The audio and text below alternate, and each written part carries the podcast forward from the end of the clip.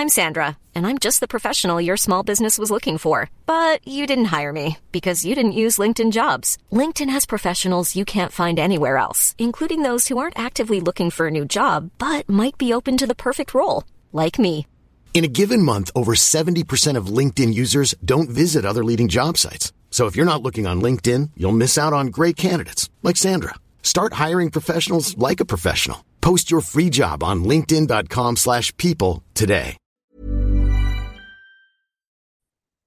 Halo teman-teman, gua cuma mau curhat aja. Sekarang jam 2 lewat 14 AM. Gue sendirian, ini bukan rekaman yang biasanya. Tapi ya gue nggak bisa tidur setelah nonton MU kalah 3-0 lawan City. Gua nggak tahu ya kayak kayaknya kurang puas. Cuma marah-marah di Twitter, cuma misu-misu sendiri sebelum tidur jadi gue mau ya sekalian berbagi lah ya sama kalian para pendengar setia DGMU Podcast.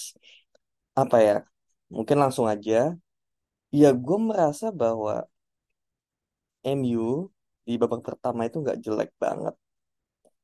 Kalau dibandingkan sama permainan kita di musim ini ya kayak gue merasa kalau babak pertama tuh lumayan.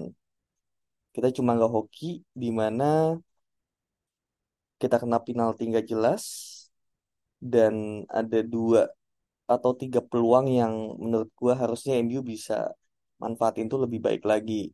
Contohnya peluangnya siapa namanya Hoylund yang sempat didorong sama Stone sedikit dikasih ke Bruno terus juga ada peluangnya Scott McTominay ya di awal yang mana kalau dia sedikit lebih pinter dia bakal oper itu ke Hoylund di kanan atau ke kiri ada Rashford. Tapi ya ya ini memang begitu ya. Nggak pernah bisa memanfaatkan peluang dengan baik dan ujung-ujungnya kebobolan lewat gol-gol aneh. Dan setelah itu permainan jelek dan akhirnya kebobolan lagi. Dan seperti itu terus.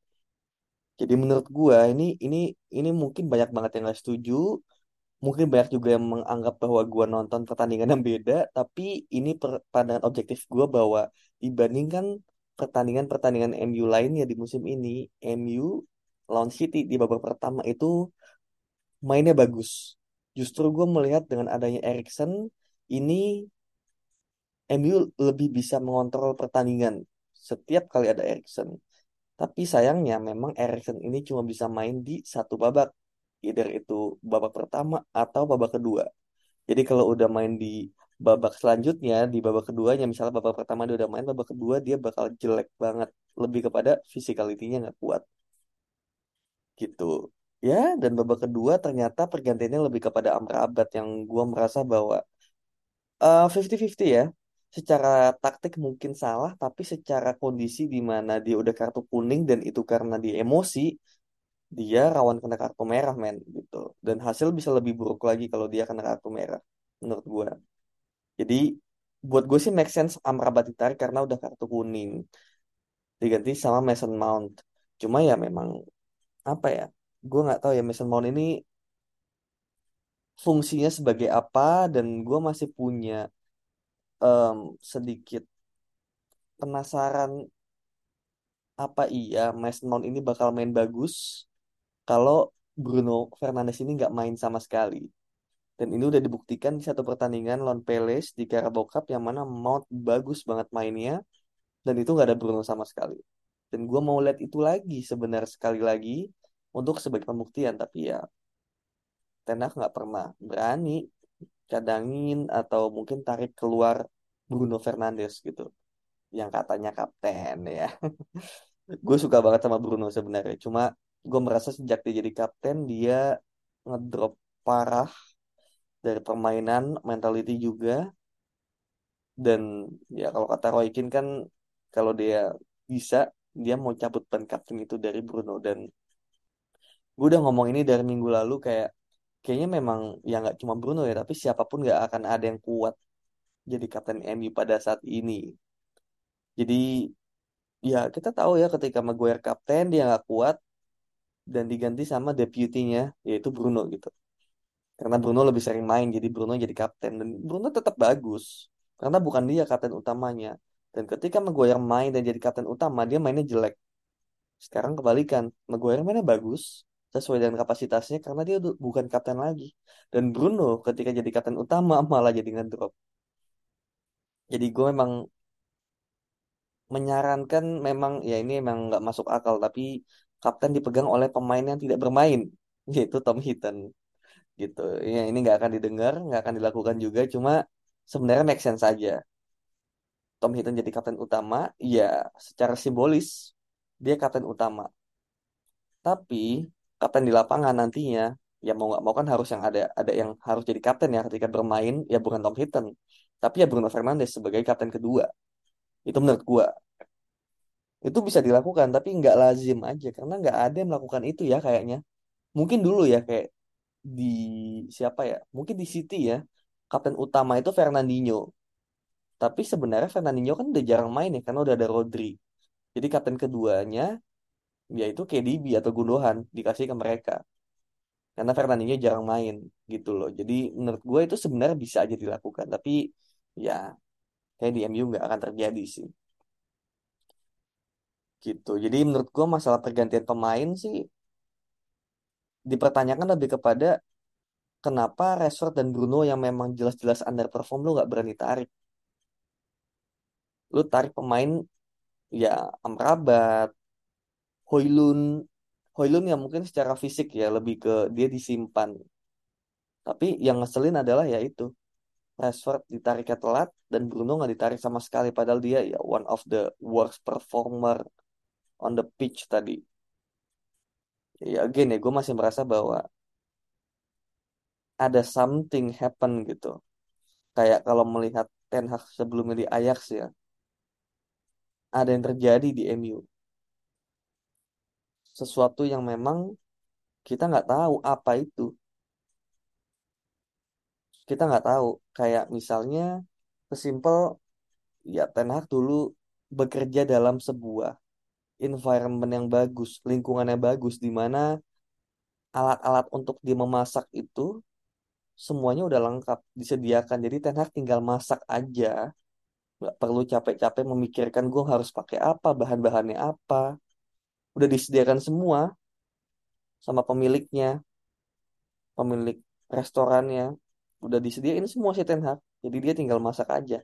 Simple tinggal masak aja ownernya peduli ada Mark Overmars sebagai Director of Football ada Edwin van der Sar sebagai CEO akademinya juga salah satu akademi terbaik di dunia Ajax Amsterdam. Jadi semua bahan-bahan dan alat-alat semuanya membantu dia. Dia sebagai koki sangat terbantu. Tim-tim di dapur juga sangat membantu dia jadi tugasnya cuma satu nggak berat. Tapi di MU di ya di MU kayaknya memang adalah restoran yang besar tapi lagi rusak. Bahan-bahannya udah mulai busuk nggak jelas dibelinya kapan. Tapi harus tetap ketika dimasak harus tetap jadi makanan yang enak. Ownernya nggak peduli. Yang penting dia beli bahan-bahan beli pemain-pemain ya lo harus pakai. Dan environmentnya juga nggak bagus nggak punya director of football yang proper karena John Murtough itu ya John Murtough itu orang baik orang lebih baik daripada Ed Woodward tapi jelas dia bukan pemain elit dalam dunia itu gitu. City punya si Kipe ex-nya Barcelona di mana Barcelona dulu merajai Eropa merajai Spanyol bandingannya sama kita John Murtough jelas kalah. Jadi memang kita tertinggal dari tim-tim lain secara struktur sepak bola. Dari owner, CEO, director of football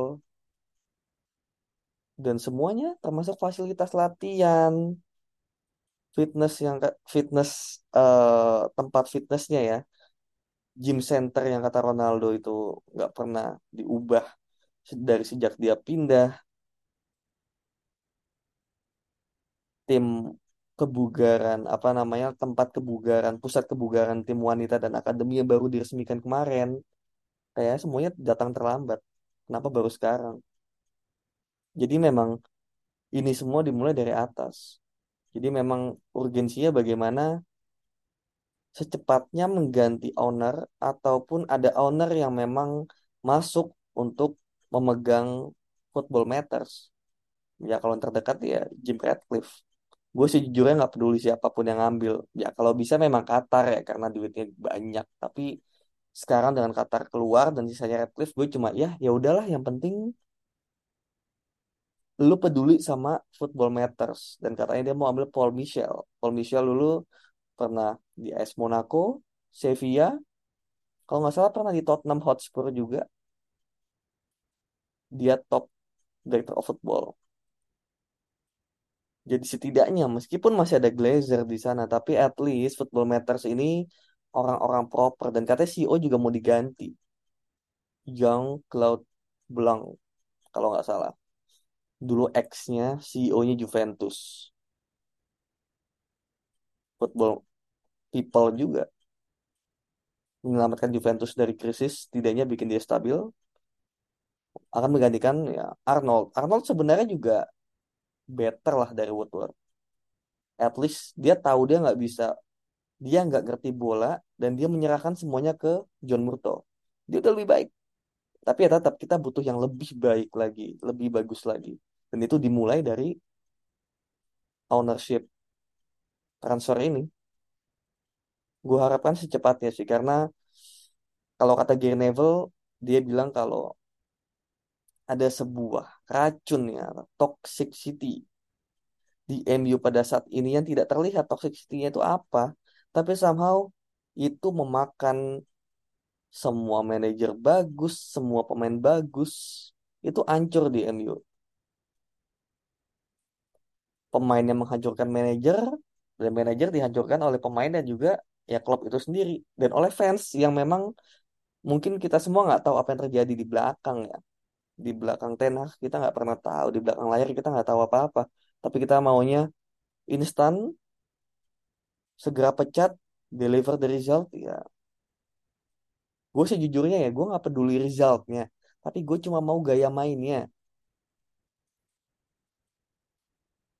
kalau misalnya kita kalah 3-0 tadi lawan City tapi mainnya jelas kayak apa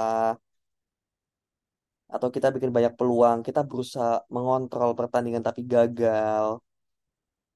Gue masih bisa terima. Kalah 5-0 juga gue terima kok. Kalau mainnya benar tapi kita udah dalam arah yang tepat, tapi cuma kurang eksekusi aja. Ini tuh arahnya salah, men. Somehow Ten memainkan gaya bermain yang aneh. Dan itu harus dipertanyakan kenapa dia memilih cara main itu. Itu banyak faktor, dan banyak kemungkinan. Tapi balik dulu ke ownership, menurut gua ya ini sangat penting untuk mengganti suasana Newcastle. Kita lihat Newcastle United pindah dari Mike Ashley yang udah belasan tahun maybe di Newcastle ganti ke Arab. Apa iya Newcastle langsung disuntik dana besar-besaran? Secara transfer pemain nggak juga. Beli pemainnya juga nggak jor-joran kok. Beli siapa? Nick Pope standar. Trippier standar. Botman oke okay lah back muda tapi harga juga nggak mahal-mahal amat. Dan Burn dulu ex Brighton. Bruno Guimaraes smart buy. Di bawah 50 juta. Kita aja bahkan nggak sempat mau beli tuh Bruno Guimaraes. Sejago apa dia sekarang? Siapa lagi? Alexander Isak. Oke mahal. Tapi itu salah satu pembelian termahal dia. Anthony Gordon. Kayaknya mahal juga. Harvey Barnes nggak lagi yang bener-bener jor-joran kayak tiba-tiba beli Mbappe beli Haaland ya maksudnya dengan seharga itu ya nggak mereka smart move smart buy karena dibenerin dari atasnya dibenerin dari ownershipnya dari director of footballnya, football mattersnya, perlahan-lahan, pelan-pelan naik level. Jadi nggak instan. Kalau instan kayak siapa? Kayak Chelsea. Itu contoh yang gagal menurut gua. Uang bukan segalanya, tapi perencanaan yang menentukan. Mungkin duit lu nggak sebanyak Chelsea ya. Sebenarnya Arab juga kayak lebih kaya sih, tapi dia menggunakan uangnya dengan bijak. Nggak kayak Chelsea, lu beli A, B, C, D, E. Perencanaannya nggak mateng. Ujungnya sekarang pelatih jadi korban. Kebayaran pemain. Dulu mungkin nggak ada pemain, sekarang kebayaran pemain dia bingung. Karena dibelinya pemainnya macem-macem, profilnya macem-macem. Ya oke pemain bagus, pemain muda bagus, tapi nggak ada perencanaan apa-apa. Bahkan dulu Chelsea ada kabar katanya pemain-pemain sampai kalau meeting itu sampai keluar ke halamannya, koridornya karena nggak cukup. Ya lu lu lu nggak kayak gitu men, cara memanage tim ya. Menurut gue itu udah aneh banget. Jadi Todd Bowley ini ya lu beli pemain macem-macem tapi kurang perencanaan. Duit banyak tapi ketika lu nggak bisa menggunakan itu dengan bijak ya kayak sekarang kayak Chelsea kalah terus lebih anjlok dari MU malah. Padahal duit lebih banyak. Udah berapa ratus juta tuh beli Caicedo, Lavia, Mudrik, Jackson, Sanchez, Enzo, Nkunku. Masih gini-gini aja karena nggak ada perencanaan yang matang menurut gue ya. Dan jor-joran lu kayak ngeganti satu tim ngeganti dengan tim baru. Kan ini kan manusia kumpulan manusia bukan robot ya bukan game ya. Kalau game mungkin lu bisa aja kayak gitu. Tapi ini kumpulan manusia. Ada kohesi ada juga namanya apa ya eh, chemistry. Lo nggak bisa bangun chemistry untuk satu tim yang benar-benar beda dalam waktu yang singkat nggak bisa. Butuh waktu. Dan itu yang dilakukan Chelsea. Newcastle nggak. Dia beli paling tiga empat pemain. Nggak semua jadi starter juga. Pelan-pelan diubah. Seharusnya seperti itu. Dan tentukan gaya main yang emang lu mau dan konsisten. Dan lu beli pemain berdasarkan gaya main itu. Newcastle meskipun gaya mainnya mungkin Inggris banget ya kick and rush ya. Dan high pressing ya hajar sana hajar sini tapi clear oke lu mau main kayak gitu lu konsisten dan lu komitmen lu beli pemainnya memang cocok makanya lu beli pemainnya seperti itu juga Bruno Gimares, Willock, Jolinton sayap kirinya Harvey Barnes, ada Gordon juga. Pekerja keras semuanya. Jadi nggak ada yang nggak kerja keras. Semua kerja keras dari depan sampai belakang. Karena memang sesuai dengan gaya mainnya udah komit. Nggak apa-apa. Nggak ada yang salah lu memilih gaya main yang old school seperti itu. Asal lu komit dan emang 100% menjalani itu. Itu yang nggak MU miliki. Beli pemainnya juga pelan-pelan kok. Mahal. Nggak mahal-mahal amat. Tapi tiga pemain, tiga pemain, tapi impactful berdasarkan game mainnya udah lu pilih. Eddie Howe juga bukan pelatih yang jago-jago amat kok. Dia bagus tapi nggak se-elit itu. Tapi dia bisa karena didukung sama manajemen yang bagus. Apa ada kayak rencana Newcastle tiba-tiba mau gelontorin 300 atau 500 juta dalam satu musim? Enggak. Tapi jelas setelah di take over sama Arab Saudi, udah ke arah yang benar. Kelihatan patternnya. Dan ya Newcastle bisa lebih sukses dari MU kalau kayak gini caranya. Dan itu berganti setelah ganti ownership. Mungkin kalau misal ownernya masih Mike Ashley and then dia beli pemain kayak Isak. Mungkin nggak akan kayak gini. Bakal ancur-ancur juga. Karena nggak ada perencanaan yang matang. Lu cuma beli Isak doang tapi lu nggak ganti backnya, nggak ganti kipernya, nggak ganti gelandangnya, gaya mainnya nggak jelas, nggak didukung juga sama pemain-pemain lainnya. Cuma beli satu doang dan berharap dia jadi penyelamat nggak bisa.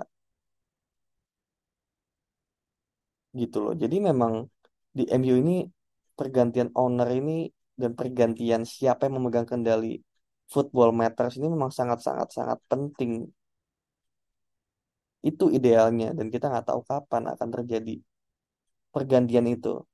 Dan kalaupun ada pergantian, kapan semua bisa diimplementasikan transfer kebijakan yang baru, rekrutmen yang baru. Itu butuh waktu juga kan untuk menyesuaikan. Nggak akan gampang. Jadi ya kalau misalnya terjadi di musim ini pergantiannya paling cepat musim depan baru akan totally berubah. Jadi masih lama menurut gue. Itu ownership ya. Kayak ya kita semua tahu bahwa memang ownership ini harus segera ada pergantian, ada perubahan untuk mengubah suasana. Mengubah suasana, membuang racun-racun ini ya meskipun racun masih di sana yaitu Glazer, tapi seenggaknya top manajemen ini udah ada perubahan at least di Football Matters, at least. Daripada nggak gerak sama sekali dan kita maunya perubahan instan, semua diganti, semua top manajemen susah, nggak masuk akal. Glazer masih mau uang dari MU, jadi nggak akan pergi segampang itu. At least ada perubahan, at least Radcliffe masuk. Jadi kita tunggu aja masalah ownership ini. Jadi udah clear ya. Gue juga udah gedek banget nih masalah ownership. Tapi yang kedua yang mau gue omongin adalah ya tadi, Ten Hag. Ya meskipun Ten Hag juga terbatas ya. Tadi kita udah bilang ya masalah director of footballnya nggak proper, pemain-pemain yang diberikan juga nggak proper, meskipun banyak pemain pilihan dia juga ya, tapi gue masih agak curiga kayak Ten ini bekerja dengan tangan terikat, kasarnya kayak gitu. Bukan berarti gue sangat pembela Ten Hag ya, tapi kayak ini terjadi di setiap musim oleh setiap manajer. Kalau itu udah menjadi sebuah pola, sebuah pattern, ya ini udah bukan kebetulan lagi. Ini memang ada something happening bahwa kita lihat Ten Hag nggak berani cadangin Rashford, nggak berani cadangin Bruno, yang jelas-jelas udah mainnya jelek. Bahkan untuk Rashford sendiri udah dibilang di press conference bahwa ya Rashford akan kembali menemukan performanya, makanya kita akan mainin terus. Ih, buat gue kayak nggak fair lah. Itu Sancho lu parkir gara-gara performanya nggak bagus di latihan. Apa iya Rashford di latihan berarti bagus, tapi di pertandingan dia nggak bagus? Berarti masalahnya apa? Mental atau apa? Tapi Sancho langsung lu kayak gituin. Lu drop dari tim lawan Arsenal. David De Gea juga tanpa ampun lu lepas begitu aja. Cristiano Ronaldo juga dengan sangat berani lu lepas dia di Januari. Gue mendukung semua keputusan lu. Semua keputusan Ten Hag juga gue dukung. Yang kontroversial seperti itu gue dukung. Beli Onana juga gue dukung. Tapi ada apa nih dengan dua pemain ini? Rashford dan Bruno, gue nggak tahu. Apa ia udah ada perjanjian hitam di atas putih bahwa mereka harus memainkan sekian banyak pertandingan atau mereka harus main terus ketika memang sedang fit atau kalau kapten nggak boleh di drop atau ada mentality issue di mana kalau mereka di drop mereka berdua ini di tidak dimainkan itu akan mempengaruhi mental mereka. Karena Ten Hag juga pernah bilang bahwa Ten Hag nggak bisa sekeras itu tidak tidak bisa memberikan perlakuan yang sangat keras karena para pemain ini banyak yang menghadapi mentality issue, mentality illness. Jadi ya Ten Hag harus lebih halus, lebih soft menghadapi para pemain-pemain ini. Apa itu termasuk Bruno dan Rashford? Yang Ten Hag merasa kalau mereka di drop malah lebih jelek daripada sekarang. Makanya dimainin terus. Sambil berharap keajaiban mereka sama bisa main bagus, bisa deliver the result, kembali menemukan performanya. Gue nggak tahu. Somehow di dua pemain ini Ten Hag nggak bisa fair. Dan itu gue sangat kecewa, sangat-sangat kecewa. Gue musim lalu gue ngefans banget sama Ten Hag karena dia berani melakukan segalanya. Garnacho telat di precision dihukum, Rashford telat bangun lawan Wolves dihukum, Ronaldo dihukum, David De Gea dilepas. Banyak hal-hal yang sifatnya disiplin itu dia sangat berani. Tapi musim ini kok banyak yang nggak sejalan lagi ya. Pilih kasihnya mulai kelihatan. Gue nggak minta Bruno atau Rashford dijual kok. Ya meskipun itu mungkin ideal ya. Tapi at least untuk saat ini gue nggak minta itu langsung dilakukan. Tapi cobalah tunjukin otoritas lu. Sekarang Bruno udah ada gantinya kok. Mason Mount musim lalu oke lah gue paham kalau Bruno nggak ada penggantinya. Van de Beek nggak bisa, Erikson lebih deep mainnya.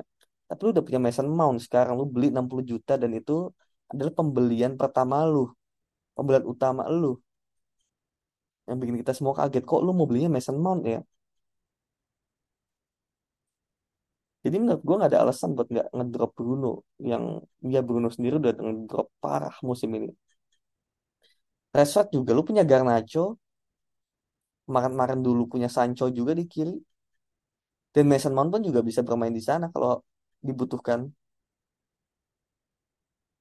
Anthony Martial juga bisa meskipun mungkin nggak ideal ya. Tapi ada pilihan. Tapi entah kenapa kayak Ten Hag musim ini dia memakai cheat code yang cheat code-nya nggak nggak berhasil sama sekali. Ten Hag musim lalu udah bagus menurut gua. Dia overachieve dengan pemain yang dia punya, pelatih baru di musim pertama. Dia overachieve menurut gua. Dia udah bagus menjalani itu semua.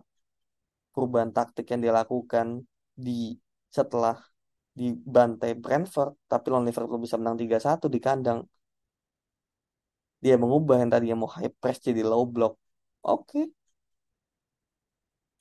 Itu bekerja ketika lawan tim besar. Ketika lawan tim kecil, lu berusaha mengontrol pertandingan dengan menggunakan Erikson bermain deep progresi dari belakang, build up dari belakang, dan itu bekerja. Bahkan MU bisa ngalahin Barcelona. Itu adalah pertandingan yang gue sangat-sangat pesimis sebelumnya, tapi somehow gue optimis setelah itu. Karena kita bisa main bagus di dua leg itu gue merasa MU main bagus. Nggak ada tuh long bolong-bolong nggak jelas. Tapi somehow musim ini itu kayak direncanakan dengan lu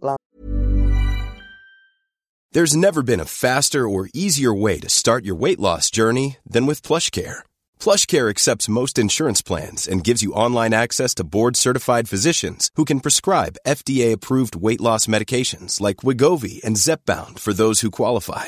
Take charge of your health and speak with a board-certified physician about a weight loss plan that's right for you. Get started today at plushcare.com slash weight loss. That's plushcare.com slash weight loss. plushcare.com slash weight loss. Mom deserves the best, and there's no better place to shop for Mother's Day than Whole Foods Market. They're your destination for unbeatable savings, from premium gifts to show-stopping flowers and irresistible desserts. Start by saving 33% with Prime on all body care and candles. Then get a 15-stem bunch of tulips for just $9.99 each with Prime. Round out Mom's menu with festive rosé, irresistible berry chantilly cake, and more special treats. Come celebrate Mother's Day at Whole Foods Market.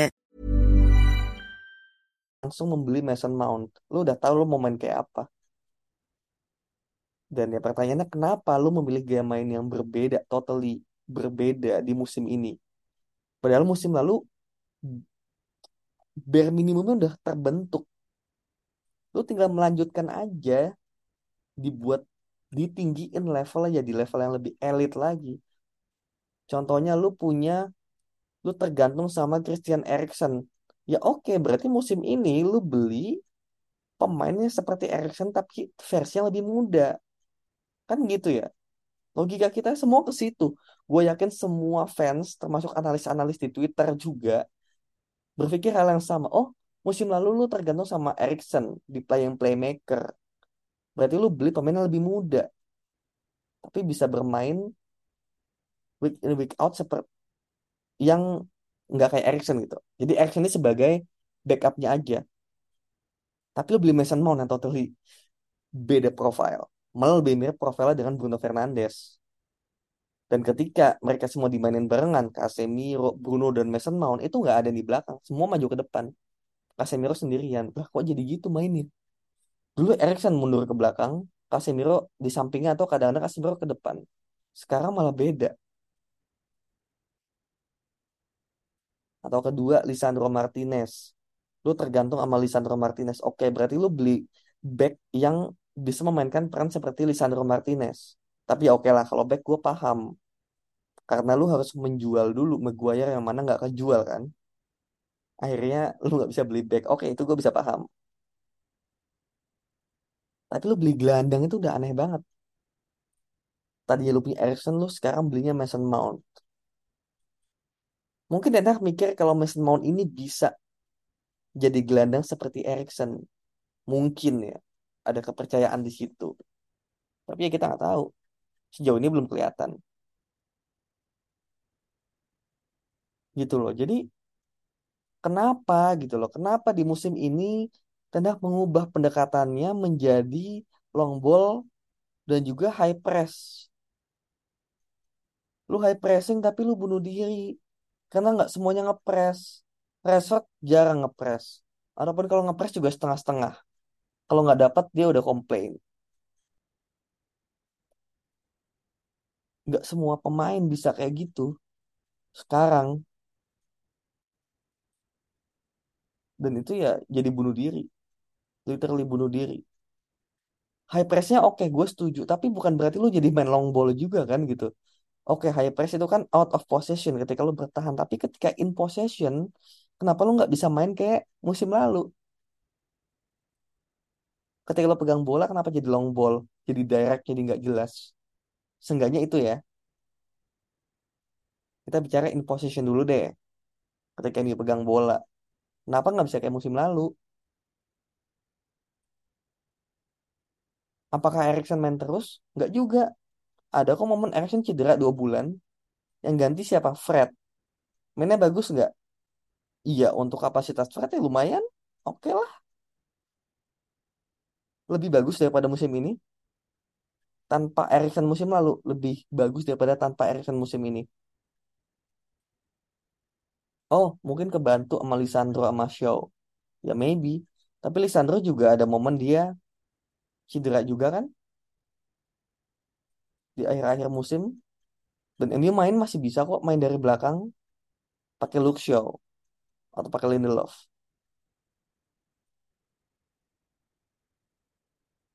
Apa iya lo tergantung sama pemain-pemain itu? Tapi jelas ya lo mengubah pendekatan itu sejak lo membeli Mason Mount. Why? Dan itu udah kelihatan kok dari precision. Lo mainnya nggak jelas gitu. Terutama kalau first team yang mainnya. Ini juga gue jadi makin bingung gitu. Ini gara-gara pemainnya atau memang pendekatan pelatihnya? Kok kalau pemainnya diubah beberapa, mainnya tiba-tiba enak. Ya sesimpel lihat aja kalau Erikson main sama Erikson nggak main, gamenya beda. Tapi kayak pendekatan utamanya ya adalah long ball. Dan kalau kata Carragher ya, Jamie Carragher tadi di press conference atau di mungkin di media ya, dia bilang ya, kenapa MU main long ball? Nggak ada kok top tim yang bermain long ball seperti itu. Jadi memang ini sangat-sangat dipertanyakan keputusan dan taktik Ten Hag untuk bermain dengan cara seperti ini ketika lagi pegang bola. Kenapa lo nggak main pasing-pasing pendek aja? Pemainnya ada kok, bisa kok. Gue yakin bisa, sebetulnya bisa. Cuma lu memilih untuk tidak bermain seperti itu. Kenapa? Ya gue nggak tahu. Kita semua nggak tahu kenapa. Out of possession, ya oke memang high press bagus. Tapi ya pemain nggak terbiasa. Kelihatan kok suka salah timing. Kapan dan di mana harus ngepres tuh sering salah. Tapi ya oke lah. Kalau pressing gue masih masih setuju lah. Emang kita harus pressing. Tapi pelan-pelan. Sering gagal oke nggak masalah.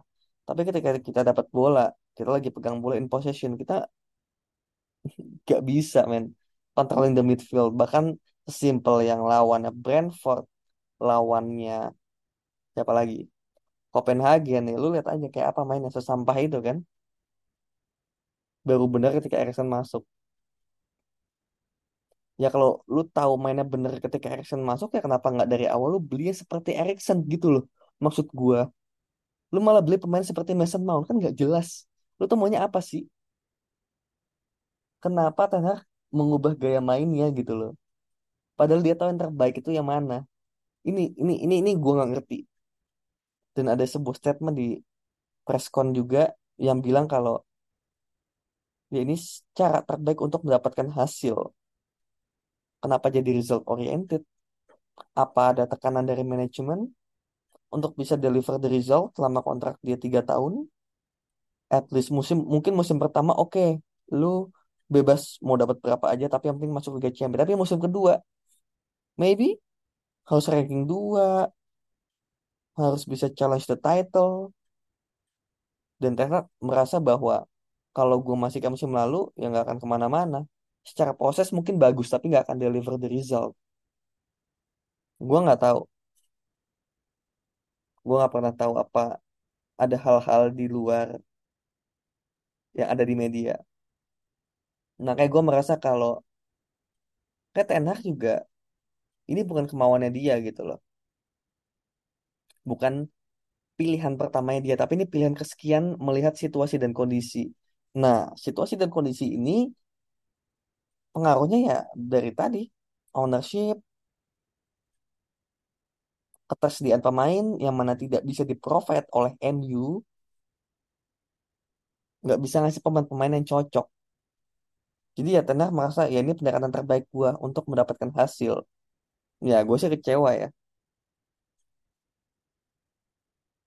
Karena gue merasa Ten Hag bisa melakukan ini lebih baik lagi. Bisa lebih bagus lagi kok. Tanpa harus mengubah secara drastis. Ya menurut gue lu udah punya full precision. Lu udah menjalani waktu tiga bulan dan udah gagal total. Ya menurut gue, tadi gue baca The Devil's DNA. Dia bilang bahwa masih ada waktu untuk membuang taktik lu yang ini. Yang sekarang yang gagal total dan lu bikin baru strategi dan taktik yang lain. Ya seperti musim lalu. Persis seperti musim lalu. Ya anggap aja kalau kita main kayak musim lalu ya jalan di tempat. Tapi at least itu satu-satunya cara buat menyelamatkan musim. Menurut gua. Bahkan secara ekstrim gue bakal bilang kalau ya mungkin omongan gua banyak yang gak setuju tapi mending ranking 4 aja deh di Liga Champions nggak usah lolos karena kayak menurut gue ngapain lu lolos gitu ntar lu juga dibantai juga di perdelapan final. Atau lu cuma sia-sia. Lu berjuang lu bakal away-nya Copenhagen away Galatasaray home-nya di Bayern home lawan Bayern. Yang mana abis itu lu lawannya Liverpool away ke Anfield di bulan Desember. Jadi kayak daripada lu capek-capek berjuang buat UCL udahlah mending mending lu fokus di liga. Carabao Cup ya udahlah ya. FA Cup ya lu trofi penting tapi sama trofi di musim lalu itu jadi racun karena MU mainnya jelek setelah dapat trofi. Termasuk Rashford mainnya jelek setelah dapat trofi. Again mentality issue. Jadi isu udah berapa banyak isu nih yang gue omongin dari tadi ya? Banyak. Jadi ini yang gue bilang bahwa Ten Hag bekerja dengan tangan terikat. Dia terpaksa menjalani ini. Terpaksa men mengambil jalan ini karena ini adalah jalan paling masuk akal. Meskipun ya ada opsi lain, tapi kayak dia dipaksa. Kasarnya lu kerja tapi di belakang kepala lu udah ada pistol siap tembak kalau lu gagal. Dia mau nggak mau dia pragmatis. Gitu. Jadi menurut gua udahlah Liga Champions lupakan Carabao Cup lupakan, FA Cup maybe lupakan, udah lu fokus di liga, main seminggu sekali, jadi lu banyak waktu latihan untuk melatih taktik baru. Karageranya sampai bingung. Lu Senin sampai Minggu, lu latihan apa? Kok gini-gini aja? Nah, gue juga nggak tahu latihan apa. Mungkin karena jadwalnya padat. Ya that's why. Tottenham bisa bagus, kenapa? Ya salah satu faktornya karena dia nggak udah nggak main di mana-mana. Dia kayaknya nggak main juga di Eropa. Carabao Cup udah keluar. Stamina lebih bagus, waktu latihan juga lebih banyak. Kalau Chelsea kita udah ngomongin ya tadi ya. Karena memang perencanaannya tidak matang. Newcastle bisa bagus karena perencanaannya matang. Makanya di Liga Champions lumayan, di Liga juga bagus. Arsenal juga awal-awal sama Arteta nggak masuk Eropa atau Europa League tapi nggak terlalu serius. Maininnya tim lapis dua. Sedangkan kita main aja buset. Tim utama yang dimainin siapa pun lawannya, termasuk lawan Omonia. Omonia tim dari mana? Siprus ya kayaknya. Itu kita main full tim, literally full tim. Paling ganti cuma satu Garnacho doang. Sisanya full tim termasuk kipernya. Gue juga bingung kenapa ya kalau MU yang main di Europa League, FA Cup, atau di Carabao Cup kita selalu full tim. Dan itu tetap aja kita kesulitan gitu loh. Mendominasi sih mendominasi, tapi nggak lagi yang superior banget. Sedangkan tim-tim kayak Liverpool, Arsenal, City itu bisa ganti total pemainnya dan tetap menang gitu loh. Ya beda quality. Gitu. Jadi udahlah. Lepas aja piala-piala termasuk Liga Champions dan target utama adalah lu main bagus dan minimal lu ranking 4 masuk Liga Champions lagi. Itu sangat achievable kok. Bisa dilakukan menurut gue. Cuma ya jujur ya gue nggak merasa Ten Hag akan melakukan itu. Meskipun bisa, tapi gue nggak yakin Ten Hag akan melakukan itu. Bruno Rashford yang underperform aja masih tetap dimainkan, apalagi ganti taktik. Ya lu kalau ganti taktik, ngebuang taktik yang udah dijalani sekarang, terus lu ganti dengan taktik musim lalu. Egonya men. Ten Hag ini juga nggak luput lah dari kritik gue gitu. Meskipun gue sangat ngefans sama dia musim lalu, tapi musim ini banyak gue pertanyakan ya keputusannya, cara berpikirnya. Meskipun mungkin ya gue nggak bilang gue lebih pintar ya dari Ten Hag, tapi boleh dong kita mengkritisi. Biar dia juga mikir. Manusia juga bisa salah. Putusan pemilihan pemain, pergantian pemain, posisi pemain, posisi bermain, transfer pilihan dia. Itu sangat-sangat-sangat gue pertanyakan. Pemilihan taktik, semua kita pertanyakan, termasuk gue mempertanyakan itu. Nggak luput kok Ten Hag dari kritik keras gue. Gue musim ini berapa kali gue kritik Ten Hag. Ya, musim lalu gue sangat lindungi dia, musim ini gue kritik abis-abisan.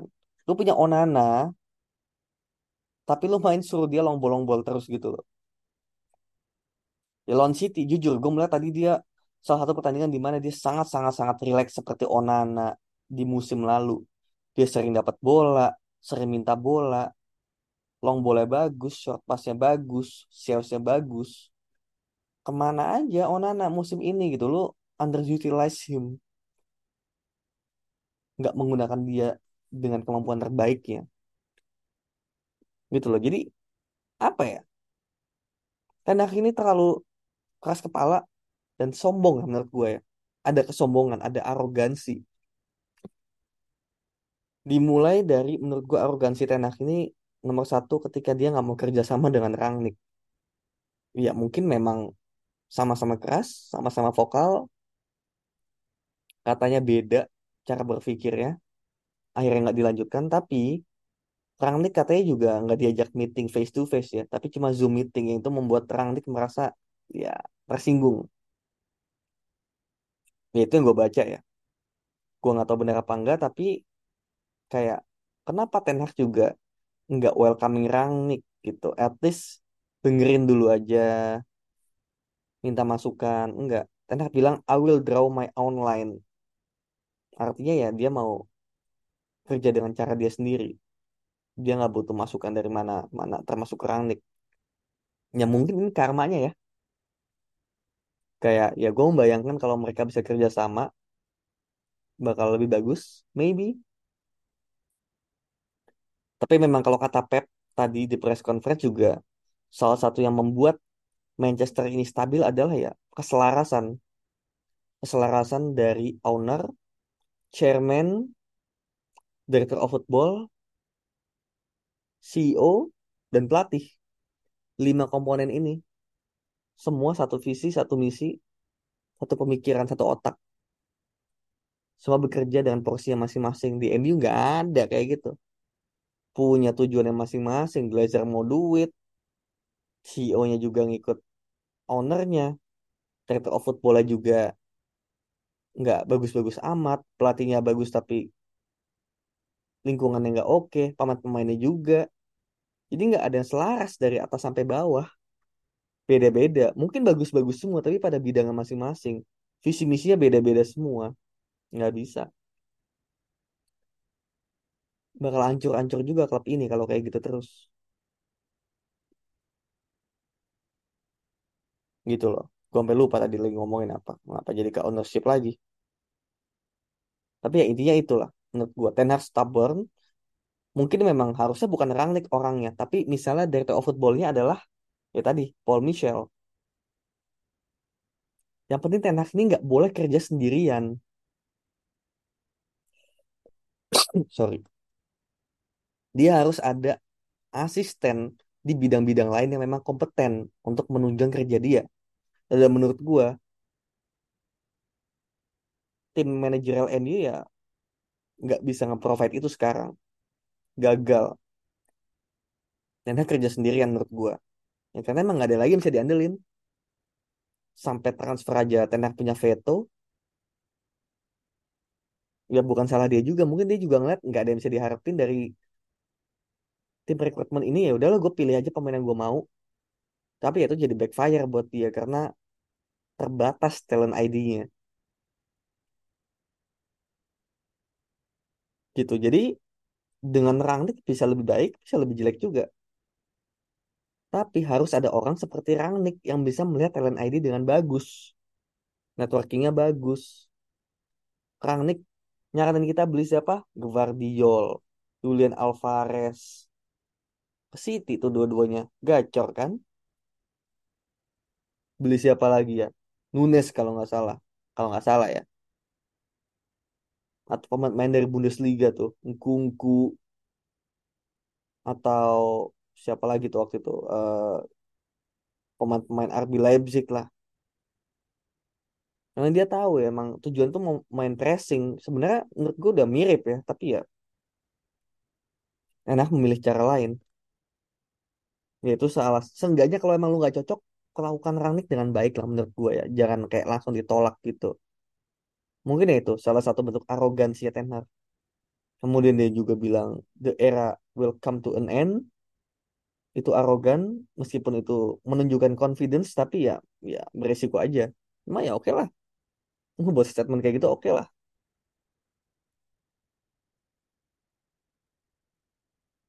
Gitu. Jadi gue melihat ada arogansi, kesombongan dan ego juga di situ ada di Ten Hag. Satu sisi bagus tapi ya sekarang dia dipilih dia dihadapkan dengan pilihan di mana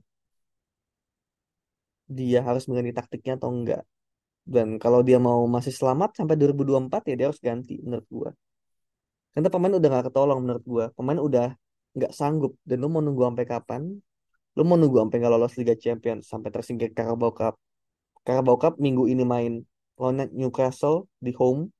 Sekarang home away udah gak ngaruh menurut gua. Musim lalu masih ngaruh kalau home main lebih bagus. Sekarang nggak sama aja. Mau home away. Home jelek, away lebih jelek gitu loh. Bedanya dikit tapi masih dalam kategori jelek. Jadi home udah nggak nolong. Kalau nggak masih ada kalau nggak ada perubahan sama sekali, ya udah baba itu Carabao. Dan kalau nggak ada perubahan lagi, minggu depannya lawan Copenhagen away bisa aja kalah. Kalau kalah lawan Copenhagen ya babai juga lah. Ranking 4 udah bener. Yang gue bilang tadi, ranking 4.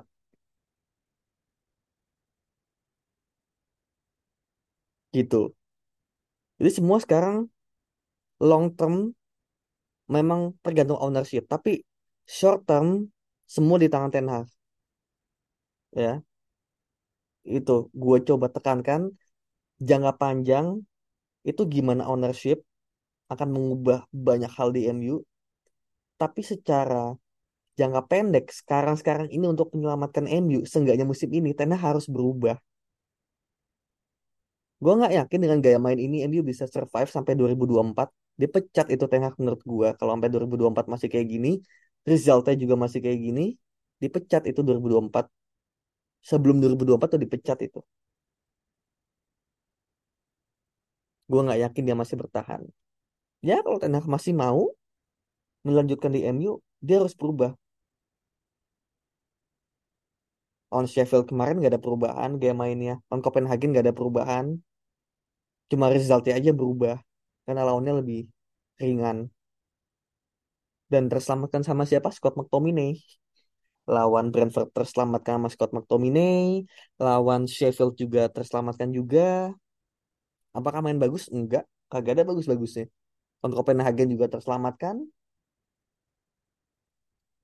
Gol kayak gitu hampir kebobol menit akhir diselamatkan Onana jadi permainan nggak ada perubahan. Ya gini terus ya dipecat menurut gue. Gue nggak bisa ngebela apa-apa sama Ten kalau misalnya dia benar dipecat gue bilang ya salah lu sendiri. Lu keras kepala meskipun lu tahu lu bekerja dengan tangan terikat bahan-bahan lu seadanya tapi musim lalu lu bisa kok. Dan lu punya pilihan untuk mengganti ke situ cuma lu nggak mau. Itu egonya dia. Jadi pemain salah karena dia karena pemain-pemain ini mungkin tidak bekerja terlalu keras ya tapi manajer juga salah gitu dia bisa lebih keras sedikit lebih tegas lagi terhadap pemain-pemain ini tapi nggak dilakukan dia punya pilihan itu tapi nggak dilakukan jadi masih ada waktu untuk berubah, untuk mengubah. Kalah 3-0 ini hanya 3 poin, ya oke lah, masih ranking 8. Tapi masih ada waktu buat berubah menurut gue. Dan ini semua di tangan Ten Hag. Ya gue mau lihat lawan Newcastle nanti, meskipun gue nggak yakin ada perubahan, tapi gue harap harapan gue lawan Newcastle Bruno Rashford cadangan titik. Sisanya sama nggak apa-apa. Tapi Bruno Rashford, Scott McTominay ya tiga pemain itu cadangan. Kalau bisa mainin pemain-pemain yang persis dimainkan ketika menang lawan lawan Crystal Palace 3-0 di home Carabao. Mainin persis. Onana, kanannya Dalot, kirinya Regilon, backnya maybe Maguire dan Lindelof lagi, nggak apa-apa. Atau mungkin sama Varan. Varan oke okay lah gelandangnya ada Amrabat, Mount dan Hannibal. Kita lihat coba dengan dua mesin itu, Mount dan Hannibal. Hannibal mesin dan Mason Mount ini lebih kreatif dan dia juga bisa jadi mesin. Amrabat dia cuma main setengah babak, satu babak di derby. Depannya kira ada Garnacho, mungkin penyerangnya ya coba kasih kesempatan ke Martial, kanannya Anthony. gue punya keyakinan MU bakal main lebih bagus. Dan shock effect juga buat Bruno dan juga Rashford yang main sangat-sangat-sangat jelek. Dan apakah akan dilakukan? Gue nggak yakin. Kan Ten, Ten Hag merasa kalau misalnya tim gede ya dia kan ter, pemain ter, terbaik dia. Termasuk Bruno dan Rashford dan ya sayang sekali. Kalau main nama seperti itu mungkin MU bakal menang juga loh Newcastle mungkin. Tapi dengan cara yang haram football mengandalkan momen, mengandalkan skill individu, keajaiban. Apa bedanya lo sama zaman Ole kalau kayak gini? Malah Ole lebih bagus karena dia konsisten dengan gaya mainnya. Dia tahu MU nggak bisa high press, ya lu main low block aja lah udah. Andalin counter. Ole bisa jadi lebih bagus karena dia tahu pemain-pemain ini bisanya mainnya low block ya udah gue main low block lah jadi bermain sesuai kapasitas pemain Cuma ya nggak pernah bisa elit, stuck di situ. Ternyata punya kesempatan untuk untuk elit, tapi ya nggak dia mistreat pemain, misprofiling pemain, salah ambil taktik, salah ambil strategi. Jadi semua dari tangan Ten Hag untuk jangka pendek ini. Kita lihat hari Sabtu, sorry, hari Rabu lawan Newcastle Carabao home. thank you yang udah dengerin gue cuma mau keluh kesah aja kalau ada beda pendapat atau punya pemikiran apa pun itu mungkin bisa drop di mention GGMB podcast apa pun itu. Kalau gue lagi mood atau sebisa mungkin gue bales atau ya kita diskusi lah. Gue juga tadi habis lawan Manchester City juga beberapa beberapa gue ajak diskusi gue ajak ngobrol. Beda pendapat nggak masalah yang penting sopan gue juga tahu gue nggak sempurna jadi mungkin gue banyak salah juga. Jadi ya kita bahas MU ini bareng-bareng aja. Thank you banget yang udah dengerin. See you in the next episode. Ini sesi curhat gue bye bye thank you Mom deserves the best, and there's no better place to shop for Mother's Day than Whole Foods Market. They're your destination for unbeatable savings, from premium gifts to show-stopping flowers and irresistible desserts. Start by saving 33% with Prime on all body care and candles. Then get a 15-stem bunch of tulips for just $9.99 each with Prime. Round out Mom's menu with festive rosé, irresistible berry chantilly cake, and more special treats. Come celebrate Mother's Day at Whole Foods Market.